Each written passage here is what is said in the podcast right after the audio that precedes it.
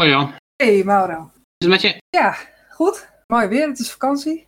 En uh, ja, ik merk niet zo heel veel verschil tussen vakantie en daarvoor. Maar goed, dat, uh, dat geldt voor meer mensen, denk ik. Ja, dat klopt hier ook een beetje. Ik wilde eigenlijk als eerste beginnen met je om uh, te vragen hoe jij zelf eigenlijk aankijkt tegen die witproef als medicinale cannabis gebruiker. Ja, argwanend, denk ik.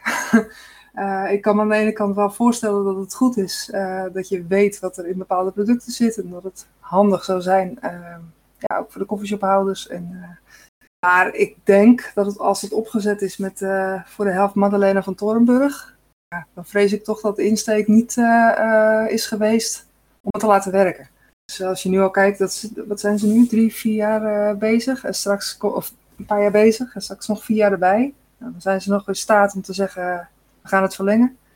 Dan mogen ze later na de conclusie nog zeggen van uh, we doen er niks mee. Ik uh, vraag me af. Ik zie het somber in, laat ik het zo zeggen. Is er eigenlijk een uh, koffieshop in jouw gemeente? ja, dus in gemeente Schagen is er één koffieshop, Roxanne. En ja, vroeger kwam ik er wel eens, maar niet zo heel graag. Zou je graag zien dat die koffieshop mee zou doen aan de witproef?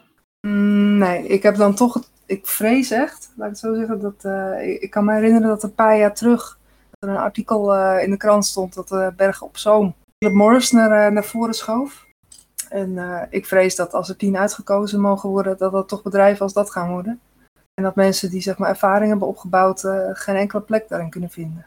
Dat is, ik denk dat er gaat gebeuren. Ja, dat zou best wel eens kunnen. Hoe zeggen ze dat? Symboolpolitiek, zoiets. Ben je zelf eigenlijk in aanraking gekomen met cannabis? Uh, de eerste keer, even denken hoor, ik had een, ik had een vriendinnetje en die, de ouders, dat waren van die hele oude hippies. En uh, ik weet nog dat ik een keer op een verjaardag kwam en daar stonden in plaats van schaatsjes met borrelnoten, schaatsjes wiet op tafel. En uh, ja, ik denk dat was mijn aanraking. En ik had eigenlijk altijd, heb ik wel vrienden gehad die, ja, moet zeggen, iets meer open-minded waren als de, de rest van de gemiddelde dorpelingen. Zo zag ik het een beetje. En um, ja, die begonnen met blowen en dat soort. Uh, zo, eigenlijk. En, maar je bedoelt voor mijn medicinale verhaal? Nou, dat was eigenlijk mijn uh, follow-up vraag. Van uh, wanneer, hoe ben je eigenlijk overtuigd van het feit van de medicinale werking van de plant? Nou, ik heb vanaf mijn zeventiende, op een gegeven moment kreeg ik epilepsie. En dat waren hele heftige aanvallen, maar ook een soort roes. Dus ik, kon, ik keek anders. Ik kan niet precies uitleggen hoe, maar dus ik zag scherp, maar het was net alsof ik, uh, ik, ik kon dus niet meer lezen en ik zag een soort nabeelden achter dingen aan. En uh, ze hebben nooit kunnen vinden wat het was, maar ik link dat toch wel aan, uh, aan die epilepsie.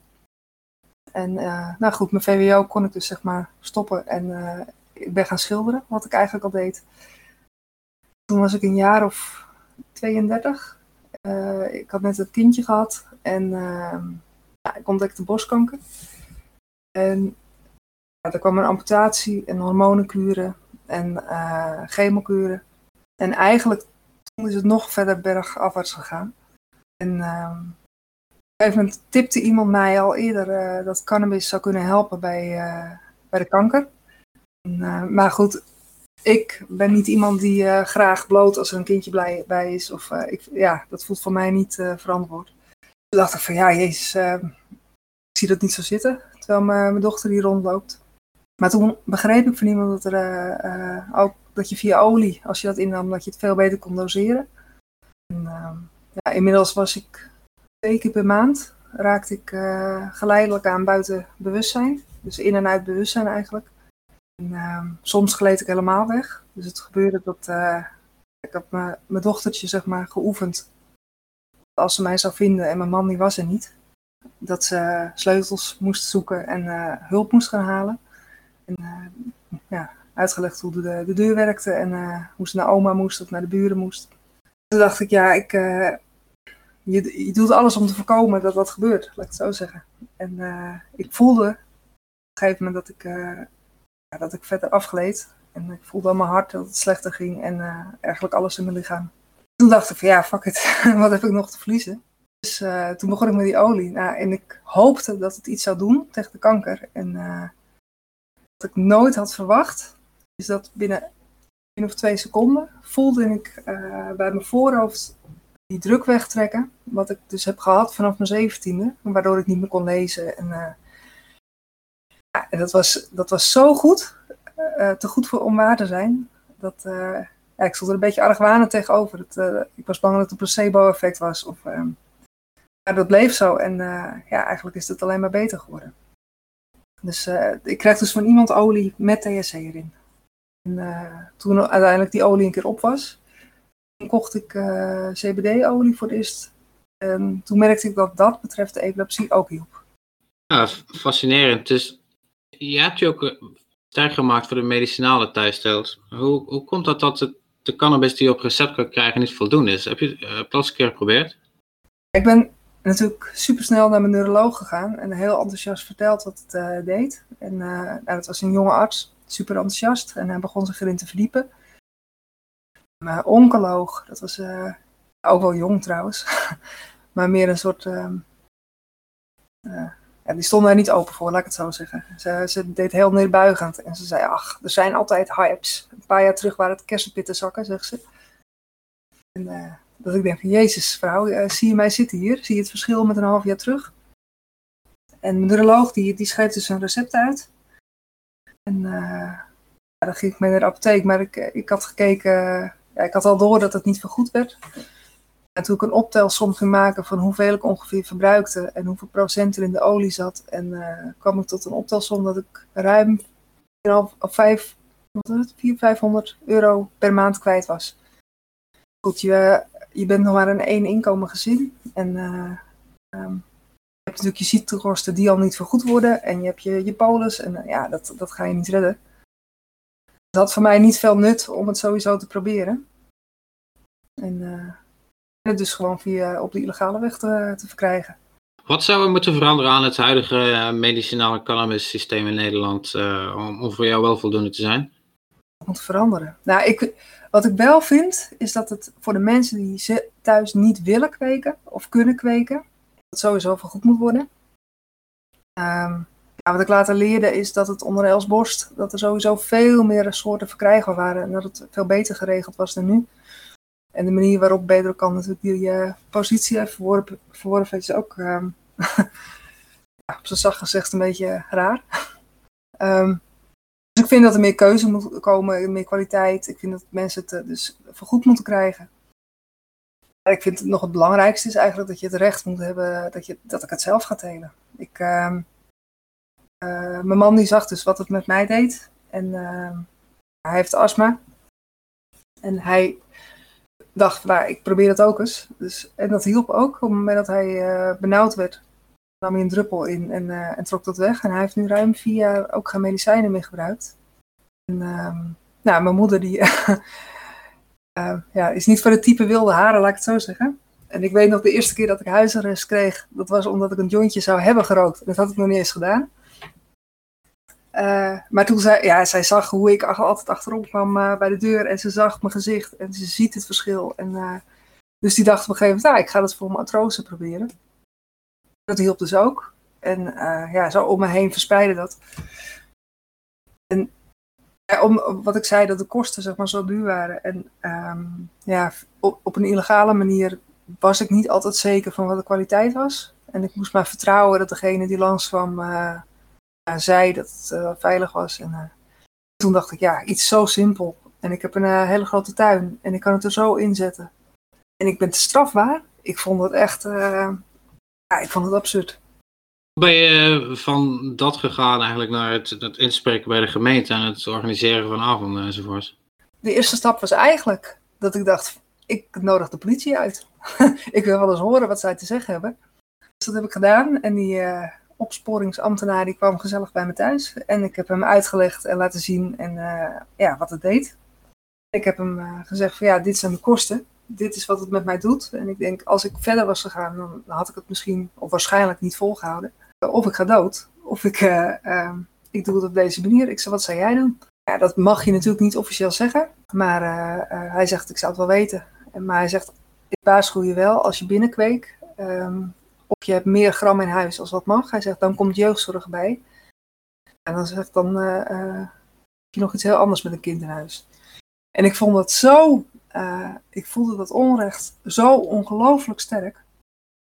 Ik gewoon, ik zorg ervoor dat ik blijf leven. Ik zorg dat mijn kind gewoon een moeder heeft. En uh, ja, alle trauma's die eromheen hangen, dat zij me vindt, weet je wel, op de vloer, of dat zij, dat is er gewoon niet meer.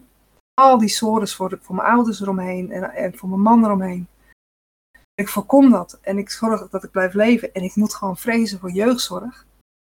Ik moet vrezen voor het feit dat eh, de politie langskomt en dat er straks een sticker op mijn, op mijn, op mijn deur zit. Ik vond dat zo'n ongelooflijk onrecht. Dat ik dacht, ja, ik, ik ga gewoon alles doen uh, wat ik kan doen. En ik wil alles doen als ik kan voorkomen dat een ander zeg maar, uh, ervaart wat ik zelf heb ervaren. Ja, dan is dat ook al gewonnen. Dus dat is eigenlijk de reden dat ik toen ook een petitie ben begonnen. En um, om een beetje kracht bij te zetten. Dus uh, dat was ongeveer de periode volgens mij dat uh, brief uit Hof van Twente ook bij de gemeente bij ons is aangekomen. Tenminste bij alle gemeentes. Ik, uh, ik heb van tevoren bij de gemeente gesprekken gevoerd met onder andere CDA en um, ja, met de raad. Dus dat ze wisten waar ze over moesten kiezen. En um, toen is er dus een, een, motie ingediend en ik heb ingesproken. En ja, de gemeente is daar unaniem mee akkoord gegaan. En uh, we hebben een burgemeester die ook van het CDA is. En ik, ik had het gevoel, ja, ik weet het niet, dat heeft ze nooit gezegd, maar ik had het gevoel dat ze wist waar, waar het over ging. Ze had gezien of iets waar, uh, ja, wat het kon doen.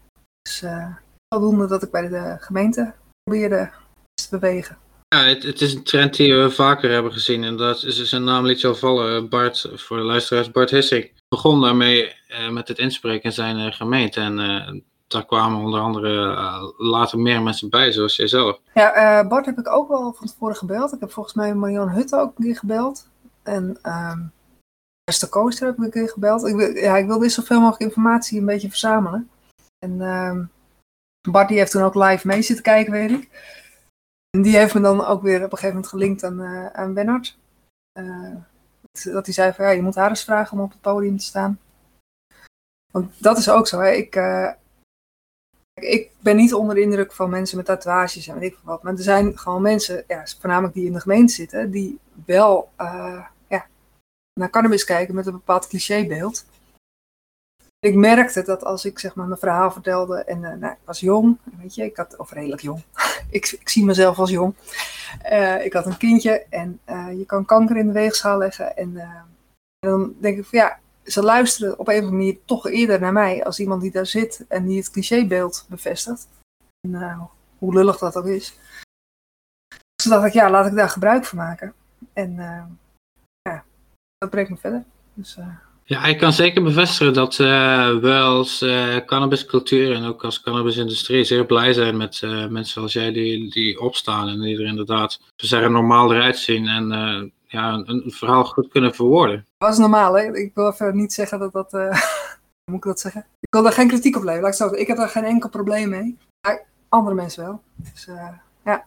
Nee, ik ook niet. Maar ik, ik heb me toch wel beseft dat in bepaalde situaties zal ik me netjes kleden. En als ik naar een echt typisch cannabis evenement ga, ja, dan, dan zal er wel een cannabis t-shirt uitkomen, zeg maar. Gewoon ook omdat mensen mij ook anders behandelen, anders bekijken. Alleen al omdat ik een, een, een pet soms op heb. Is dit denk je ook uh, de manier hoe we meer steun krijgen voor dit onderwerp? Door, uh, door mensen aan te zetten tot inspreken? Nou, ik wil sowieso, ik wil zeker mensen stimuleren om meer te doen. Want ik, uh, ik denk wel dat er een hele grote groep is die het wil, maar vervolgens op de bank blijft zitten en er geen, geen reet aan doet. Maar ik moet wel zeggen, zo die enkele gemeente kan niet zo heel veel doen, denk ik. Ik, ik heb gezien bij gemeente Hollands Kroon, dat is de gemeente hierna hiernaast. En daar is vrij vlot naar ons ook een motie ingediend. Daar is geen werk zeg maar, verricht om van tevoren met de gemeenteraadsleden uh, te praten. En um, ja, dan werd die motie zo van tafel geveegd met het argument, ja, dan laten ze het maar vergoeden door de zorgverzekeraar. Dan denk ik, dat, dat uh, had je zo onderuit kunnen halen. dus sowieso is dat, is dat werk van tevoren heel belangrijk. Uh, ik heb met Bart toen ook ingesproken bij uh, gemeente Zwarte Waterland. Uh, waar, hoe heet die ook weer? Hanny en... Janne Janni. ja, Janne Janni, ja, sorry. Uh, die toen was. En daar had je ChristenUnie en SGP, dat is echt een, een vrij conservatieve gemeente.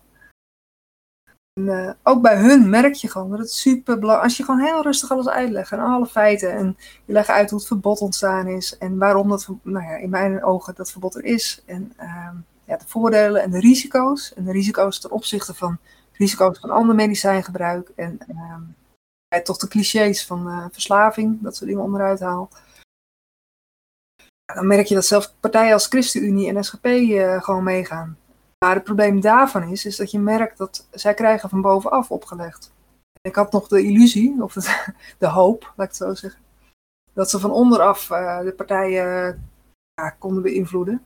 Maar dan zijn er toch echt wel meer gemeentes nodig straks. Vrees ik. Je zag bij ChristenUnie ook, die zei ook van, uh, ja, we staan er helemaal achter, we begrijpen het helemaal. Maar wij mogen totaal niet afwijken van het partijprogramma. Ja, en dat vind ik dan toch wel, uh, is dan wel een zwak punt.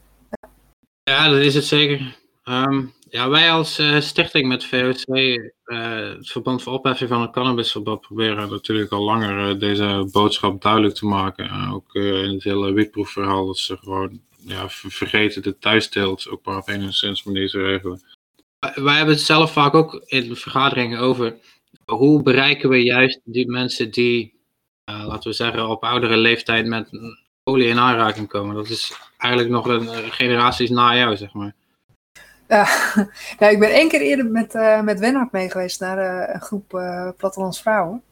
En het werkte eigenlijk ontzettend goed. Want je merkt, oh, dat zag ik trouwens bij die petitie al. Ik had zelf het beeld dat ik denk, oh, er zijn heel veel jongeren die gaan straks positief reageren.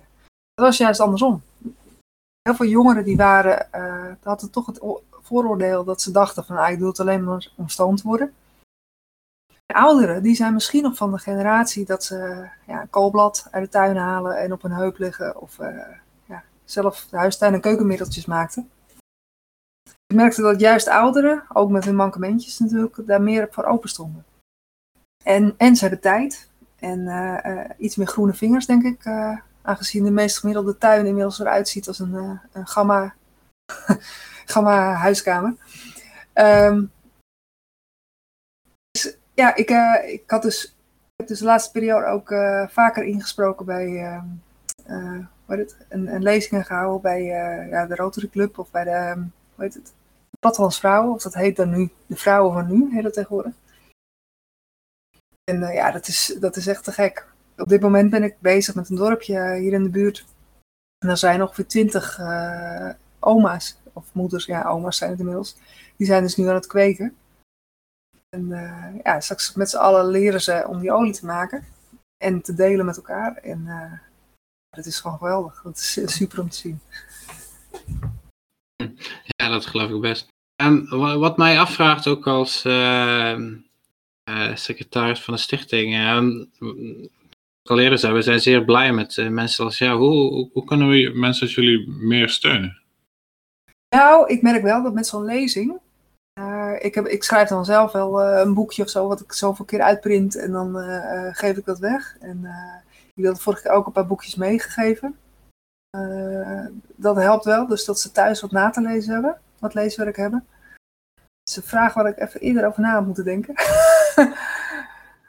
Ja, een van de dingen waar wij aan zaten denken, wat ook weer opkwam in de vorige vergadering, is om een, om een soort van inspreekkit te maken die uh, mensen kunnen opvragen of kunnen downloaden van een website. Die ze assisteert en uh, helpt bij um, als zij zo'n weg naar de gemeente willen nemen waarbij ze gaan inspreken. Ja, ja dat, dat ben ik wel met je eens. Dat zou goed zijn. Je merkt ook, zelfs met het olie maken, zelfs met het kweken, zelfs met dat soort dingen. Sommige mensen hebben toch echt moeten bij hun hand genomen worden. ja, klinkt een beetje stom. Maar het helpt wel. Als je, het is ook een beetje onduidelijk voor mensen hoe het werkt bij de gemeente. Bij de ene gemeente kan je voor vijf minuten inboeken, de andere keer mag je voor tien minuten. Soms kan je alleen bij je eigen gemeente, maar soms ook bij andere gemeentes, liggende gemeentes. Dus het is, er is niet altijd een kant-en-klaar pakket, maar wel uh, grote richtlijnen. En als je gewoon mensen erop wijst van, joh, vertel dit, vertel uh, wat voor voordelen het nog meer heeft voor de maatschappij. Dus waar de gemeente zelf ook in kosten kan besparen en ehm, ja, dat zijn allemaal dingen die voor een gemeente aantrekkelijk zijn. Ik denk dat dat uh, belangrijk is. En ook, uh, toch praten met mensen van, van de partijen. Dat die, ehm, ook al is een partijcongres of zo, dat ze toch hun mond open gaan doen. En, eh, en opstaan tegen wat ze bovenop zeggen. Ja, en uiteindelijk blijft het een moeilijke opgave. Want zoals je ook zag bij Jan en Jannie, dat er uiteindelijk kamervragen worden gesteld. Maar dat dan de minister van Volksgezondheid op dat moment zegt van ja, het, het, heeft, het is niet bewezen dat het een net heeft. En als het al een uh, net heeft, dan uh, moet je het kopen in de apotheek. In, in iets andere woorden. Ik, ik kan er zo ongelooflijk pissig van worden. Wat een hele lul-excuus. Er is geen enkel bewijs. Ik bedoel, er zijn zo ongelooflijk veel onderzoeken worden er gedaan. Er is er één onderzoek, geloof ik, aangegrepen om de vergoeding stop te zetten. Uh, ja, dan vraag ik me af, hoeveel onderzoek heb je nodig om wel aan te wijzen dat iets nut heeft? Als je al... Ik had laatst voor de lol nog een keer het Zorginstituut uh, aangeschreven. om te kijken wat voor argumenten ze nu geven. Maar toen gaven ze ook aan dat het niet alleen uh, wetenschappelijk bewijs ontbrak, maar ook de praktijkervaring belangrijk was. En toen dacht ik, nou, hoe ongelooflijk veel praktijkervaring, praktijk moet je zien om te erkennen dat het werkt. Wil, het, is, het is alsof er water van een regenjas afloopt. Ja, ze het gewoon echt niet horen en echt niet zien. En ehm, ben, wat is het, een paar weken terug, toen was Hugo de Jonge, die was te gast hier in Schagen. En toen dacht ik, nou, ik ga even heen. Dus ik was op de, op de fiets gestapt. Ja, ik ga er niet vanuit dat er ook maar iets van komt. Maar uh, ja, hij gaf aan dat hij wel in gesprek wilde. En dat ik moest op de mail zetten ehm, ja, waar ik met hem en desnoods met de burgemeester en andere partijen over zou willen praten. Ik weet niet wat ik ervan moet verwachten. je hebt de ombudsman van, eh, voor de veteranen. Die heeft wel een uitspraak gedaan dat het vergoed moet worden, nog steeds, voor hen dat hij geen enkele aanleiding heeft gevonden om, het, om, het, om de vergoeding stop te zetten. Er is een ombudsman ja, bij geschillen, zeg maar, voor, als je geschil hebt met een zorgverzekeraar, die heeft een uitspraak gedaan voor één jongetje in Nederland, naar ik weet. Noah Jansen heet hij, een jongetje van tien met epilepsie. En, en voor hem moet het nog vergoed worden. Maar ja, dan denk ik, hoe kan je, zeg maar, zou een rechter straks moeten gaan bepalen wat lijden is en wat kwaliteit van leven is. Voor jou mag het wel, voor jou mag het niet. Preventief mag wel, preventief mag niet. Um, ja. ik, ik, vind het ongelooflijk dat het nog steeds ontkend wordt. En um, ik heb een paar jaar terug van iemand een, uh, een, rapport gehad wat dan lag op het ministerie van VWS. Uh, volgens mij uit 1997, dus dat was onder Els Borst. En daar wordt per kwaal al allerlei onderzoeken opgezond. En er wordt ook al beklag gedaan dat uh, onderzoek wordt stilgelegd naar kanker. En volgens mij is dat nog steeds zo. Uh, ik denk vorig jaar of twee jaar terug is het, is het UMCG in, in Groningen ook een onderzoek gestart naar tumoren. Er waren twee mensen met tumoren van ongeveer 10, 12 centimeter die dus plotseling verdwenen na het gebruik van cannabis. En dat, dat onderzoek is stilgelegd omdat er een handtekening ontbrak uh, betreft de, de. Die handtekening, ja, die kon nog wel een paar jaar duren. Ik, kan daar niet over uit. Ik, uh, ik snap er geen ene... Als je echt serieus voor het welzijn van je burgers zeg maar, aan het werk bent, dan, dan gaat dat bij mij niet in. Het is inderdaad iets vreemds dat ze blijven argumenten noemen zoals dat er niet voldoende studies zijn. Terwijl als je eventjes gaat zoeken op internet op de vele plekken waar studies worden gepubliceerd, kom er al snel achter dat er nou, bijna ontelbaar veel studies al zijn gedaan. Het is alleen, vaak zijn ze niet in het Nederlands. Dus het, het lijkt, is de taal per se een barrière? Is het, deze dokters kunnen die alleen maar Nederlands? Of wat is het probleem hier? Ik heb wel eens gevraagd, waar moeten die studies aan voldoen? Moet het Europees zijn of moet het Nederlands zijn? Of uh, ja, wat zijn de eisen dan? Nou, ik krijg geen duidelijk antwoord daarop. Dus uh, ik denk dat het, uh, ik, ik moet dan denken aan die WODC-affaire Bas Haan toen mee kwam. Bas de Haan, wat is het? Bas Haan, inderdaad. En ik kan mij toch niet aan het gevoel onttrekken dat die cherrypicking en, en het sturen van het beleid niet alleen bij justitie heeft plaatsgevonden, maar ook bij, bij volksgezondheid. bij de zorg. Dat, dat gevoel dat heerst wel heel sterk. Ja, mocht Bas Haan luisteren, dan is bij deze geef hem de tip. Nou, ik heb hem al een mailtje gestuurd, maar ik kreeg geen reactie. Hij is wel iemand die we typisch wel onze bedbox of een verzamel brochures van het VOC toesturen. En ook de laatste keer dat we een perspresentatie hebben gedaan van ons nieuwe budboek in uh, Sport in Den Haag. Toen was hij een van de weinige journalisten die er wel was. Dus okay. wel, Misschien krijgt hij gewoon heel veel mailtjes, dat kan ook. Maar ehm, ja, ik heb hem een keer een mail gestuurd om te vragen, kan jij hier niet eens induiken? Maar uh, ja, zullen zien. Ik heb ook Amnesty International wel eens gebeld. En uh, die deden ontzettend lacherig. Want, weet, je, ik, weet je wat ik me realiseerde? Dan sta je bij Werner, sta je soms in die zaal. Er zitten honderden mensen. En er zijn iedere keer zijn er mensen die, die dus gewoon terminaal zijn geweest. Die dus als gevolg van, van cannabis zijn genezen. dat houdt dus gewoon in dat mensen die als gevolg van een verbod, dat er dus mensen sterven die anders zijn, zouden blijven leven. En ik vind dat, uh, ik, ik vind het verbod gewoon crimineel, mag ik zo zeggen. Ik, uh... Ja, dat klopt. Uh, zoals Luke Helsman zei in die befaamde speech, kort gezegd, puur omdat iets crimineel is of puur omdat iets illegaal is, dat betekent niet dat het slecht is. Net zoals homoseksueel zijn was ook uh, illegaal. En uh, het was ook illegaal om, om Joden niet aan te geven, inderdaad. Ja, Amnesty International die reageerde echt lang. Die, die zei, ja, we hebben sowieso geen specialisten op het gebied van zorg. En ik heb ook wel eens gesproken met PILP. Dat is ja, een groep advocaten die zeg maar, voor mensenrechten ook opkomt. En ja, die, die zeiden, die zien er wel wat in om, om mee verder te gaan. Onder andere Jelle Klaas, die advocaat. Uh, maar er moet meer uh, jurisprudentie liggen en uh, het moet iets minder politiek gevoelig zijn. Dus ehm, dat is nog even afwachten. Ja, dat zeg je nou toevallig helemaal op het einde, zeg je politiek gevoelig. En dat is ook een van de vreemde dingen aan dit verhaal, dat het überhaupt politiek is. Ja, het is voor mij zo ongelooflijk, ongelooflijk logisch dat het moet kunnen. Het is, weet je, als je gewoon, um, stel je voor dat mensen uh, straks te horen krijgen dat uh, vitamines, die, weet je, je lijf heeft ook vitamines nodig. Stel je voor dat je straks alleen nog maar vitamines uit de apotheek mag halen, van een bedrijf van de overheid is. Die kant gaan we op, dat is het. Dat is gewoon hetzelfde. Ik heb die cannabinoïden nodig. Ik moet ze uit de tuin kunnen halen als het niet in mijn voedsel zit. En ik, anders moet ik ze uit de apotheek kunnen halen. Maar ehm, ik moet niet verplicht worden om het van de overheid af te nemen. Ja, het is ook als ik er in een groter uh, opzicht over terugdenk, de historie van medicinale cannabis in Nederland lijkt ook ene die bij toeval op een gegeven moment is ontdekt en daarna enigszins succesvol, succesvolle programma's zijn er gestart, maar naarmate de jaren verstrijken wordt het steeds meer ingedampt en wordt het eigenlijk alleen maar minder. Het enige wat er eh, de laatste paar nieuws en positief nieuws is gekomen is dat de betere die in de apotheek verkrijgbaar is, dat die eindelijk gemiddeld goedkoper is, heel goedkoper dan de wiet in de koffieshop. Ja, hoeveel procent goedkoper? en wat ik begrijp van mensen is de kwaliteit ook niet bepaald uh, super. Ja. Nou, ik heb het er laatst toevallig nog over gehad met uh, Derek over uh. Dat hij had het erover dat hij Bedrokan had op vakantie in Griekenland. En toen toch zeer blij ermee was, omdat het toch wel degelijk deed wat het, wat het wat hij ervan wilde.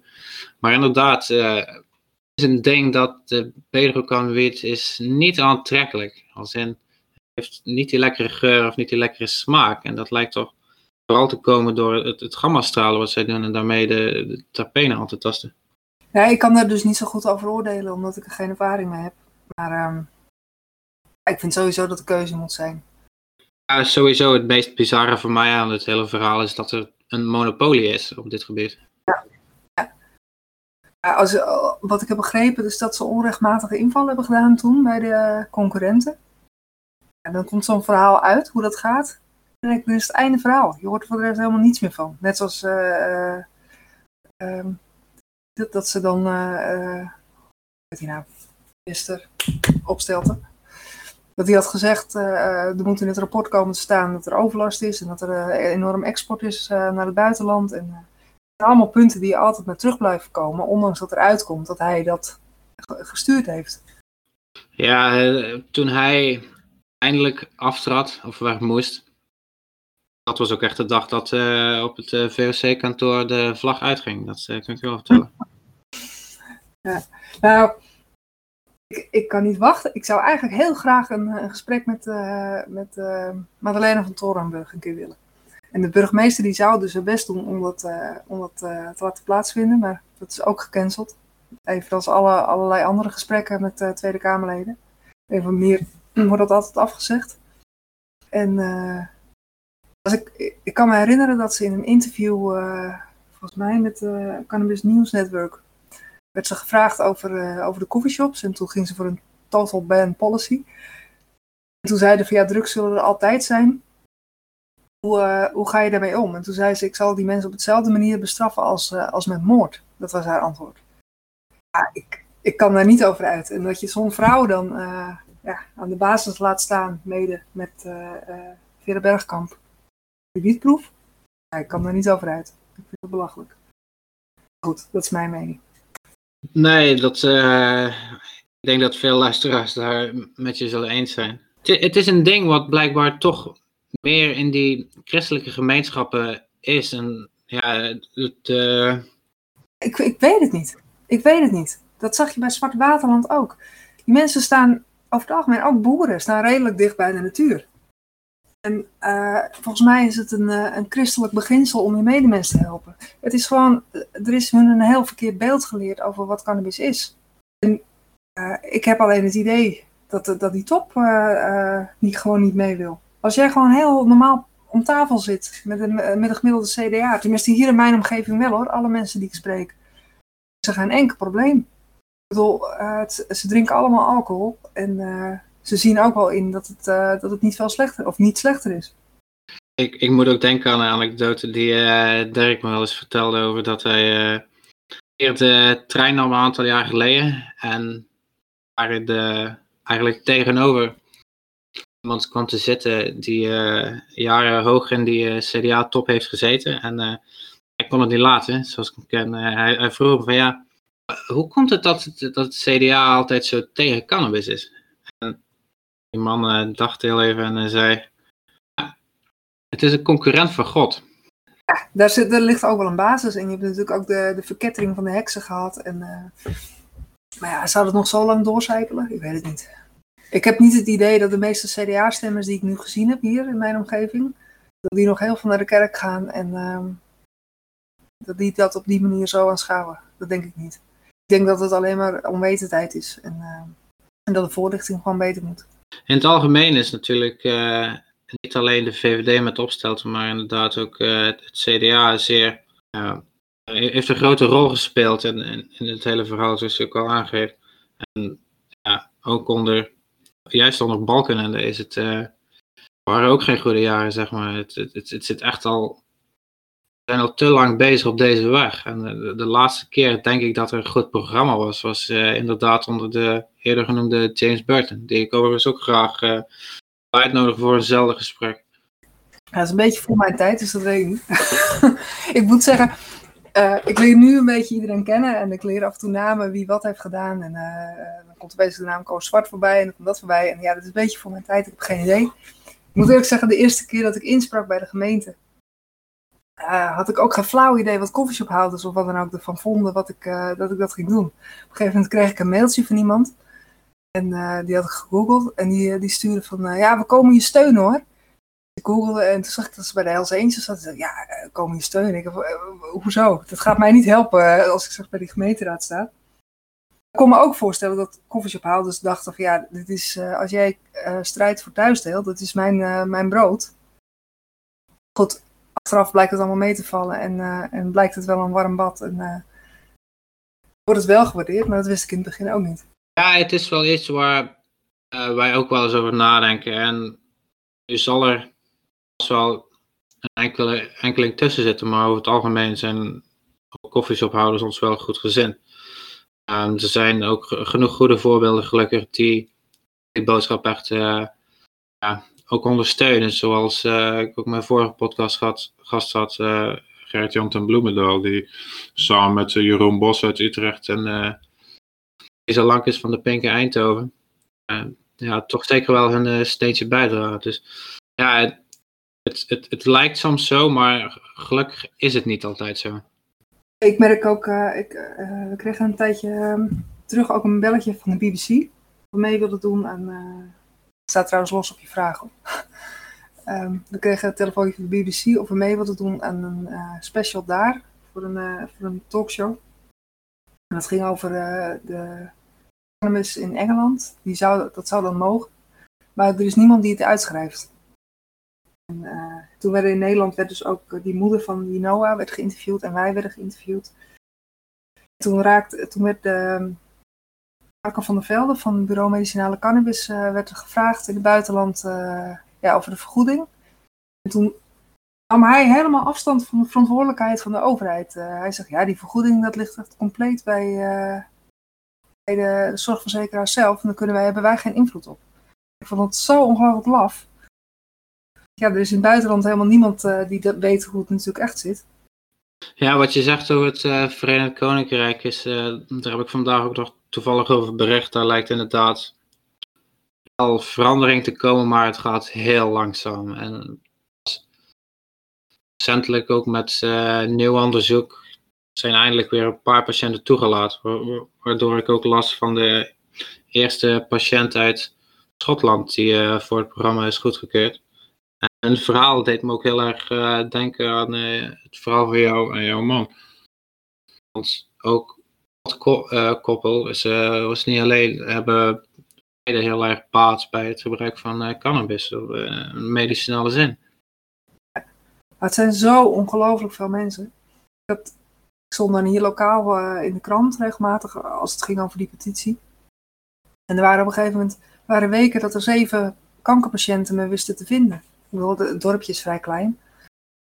Zelfs mensen die via de huisarts, uh, die de huisarts gingen opbellen en de huisarts stuurde ze dan weer door naar mij. En uh, uh, op een gegeven moment hadden mensen mijn ouders gegoogeld, die hadden mijn meisjesnaam gevonden, die konden mijn ouders vinden en via via zochten ze dan naar mij.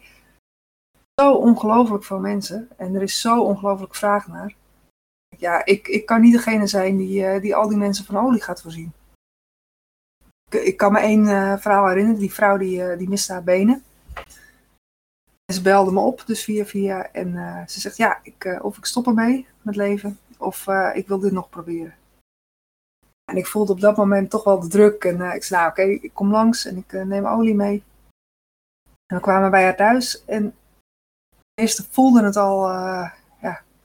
De man die was ontzettend negatief. Die was, heel kerkelijk, die was ook heel kerkelijk. Um, maar ik voelde gewoon zijn ja, vijandigheid. En we stonden buiten op een gegeven moment en toen zeiden we, dit moeten we niet meer doen. Want stel dat die vrouw overlijdt, ja, dan zitten wij met de risico's en wij, die man, die, uh, die stond er niet achter. Dus ik dacht, je, moet er een andere oplossing voor komen. En dat is ook een reden dat ik denk, ja, ik wil die mensen niet allemaal bij mij over de vloer hebben. En uh, er moet een andere oplossing voor komen. Dus dat motiveerde me ook om, het, om een andere oplossing te zoeken. Ja, en zoals je dan met die logica kom je ook uiteindelijk uit bij het, mensen moeten het zelf want dat is de, meest houdbare oplossing als je weet wat er met die plant is gebeurd. Ik vind het super zoals Supernuver uh, natuurlijk ook bezig is. Dat vind ik ook geweldig. Hoeveel mensen zijn het? 17.000 mensen begreep ik. Of meer dan 17.000 die ze voorzien van olie.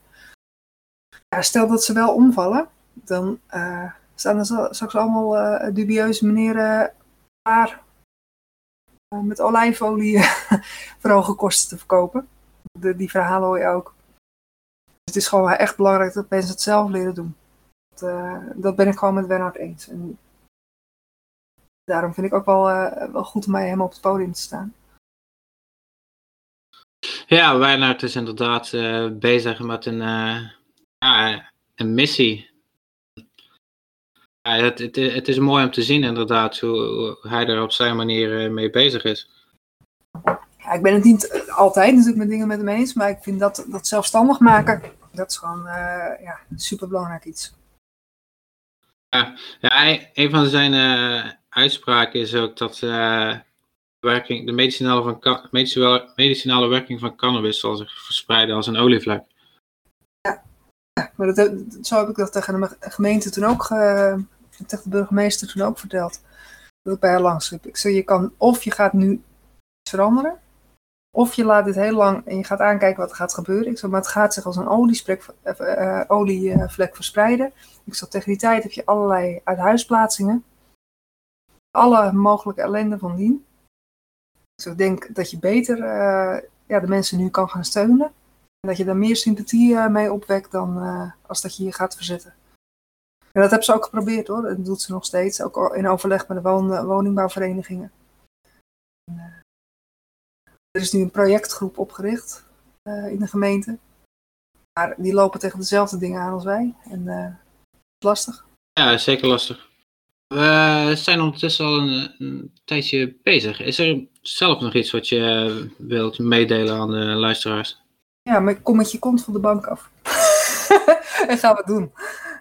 En, en, en wat ik merk bij mensen is dat ze denken, oh, wat ik doe maakt toch niks uit. Dat is gewoon absoluut onzin. Ik bedoel, als er, uh, ook al zou je één ding doen en verandert het voor één persoon iets. Ik bedoel, het is toch ook al mooi. En, en leer het zelf maken en verspreid het in iemand. En wat, wat ik ook belangrijk vind, is als het voor jou iets doet, dus uh, op medicinaal vlak, ga bij een arts niet, zeg maar, uh, ja, is er eerlijk over. Want als die artsen denken dat het van de normale medicijnen komt, het is wel goed dat ze een beeld krijgen van, van dat het ook gedaan wordt door de, door de cannabis. Wees daar ook open over. Ik denk dat dat een zeer goede boodschap is om mee af te sluiten. Dankjewel. Dan denk ik dat we bij deze ook gaan afsluiten. Ik, ik wil je hartelijk danken voor mijn vijfde podcast te gast te zijn, Marion. Bedankt voor de, voor de mogelijkheid.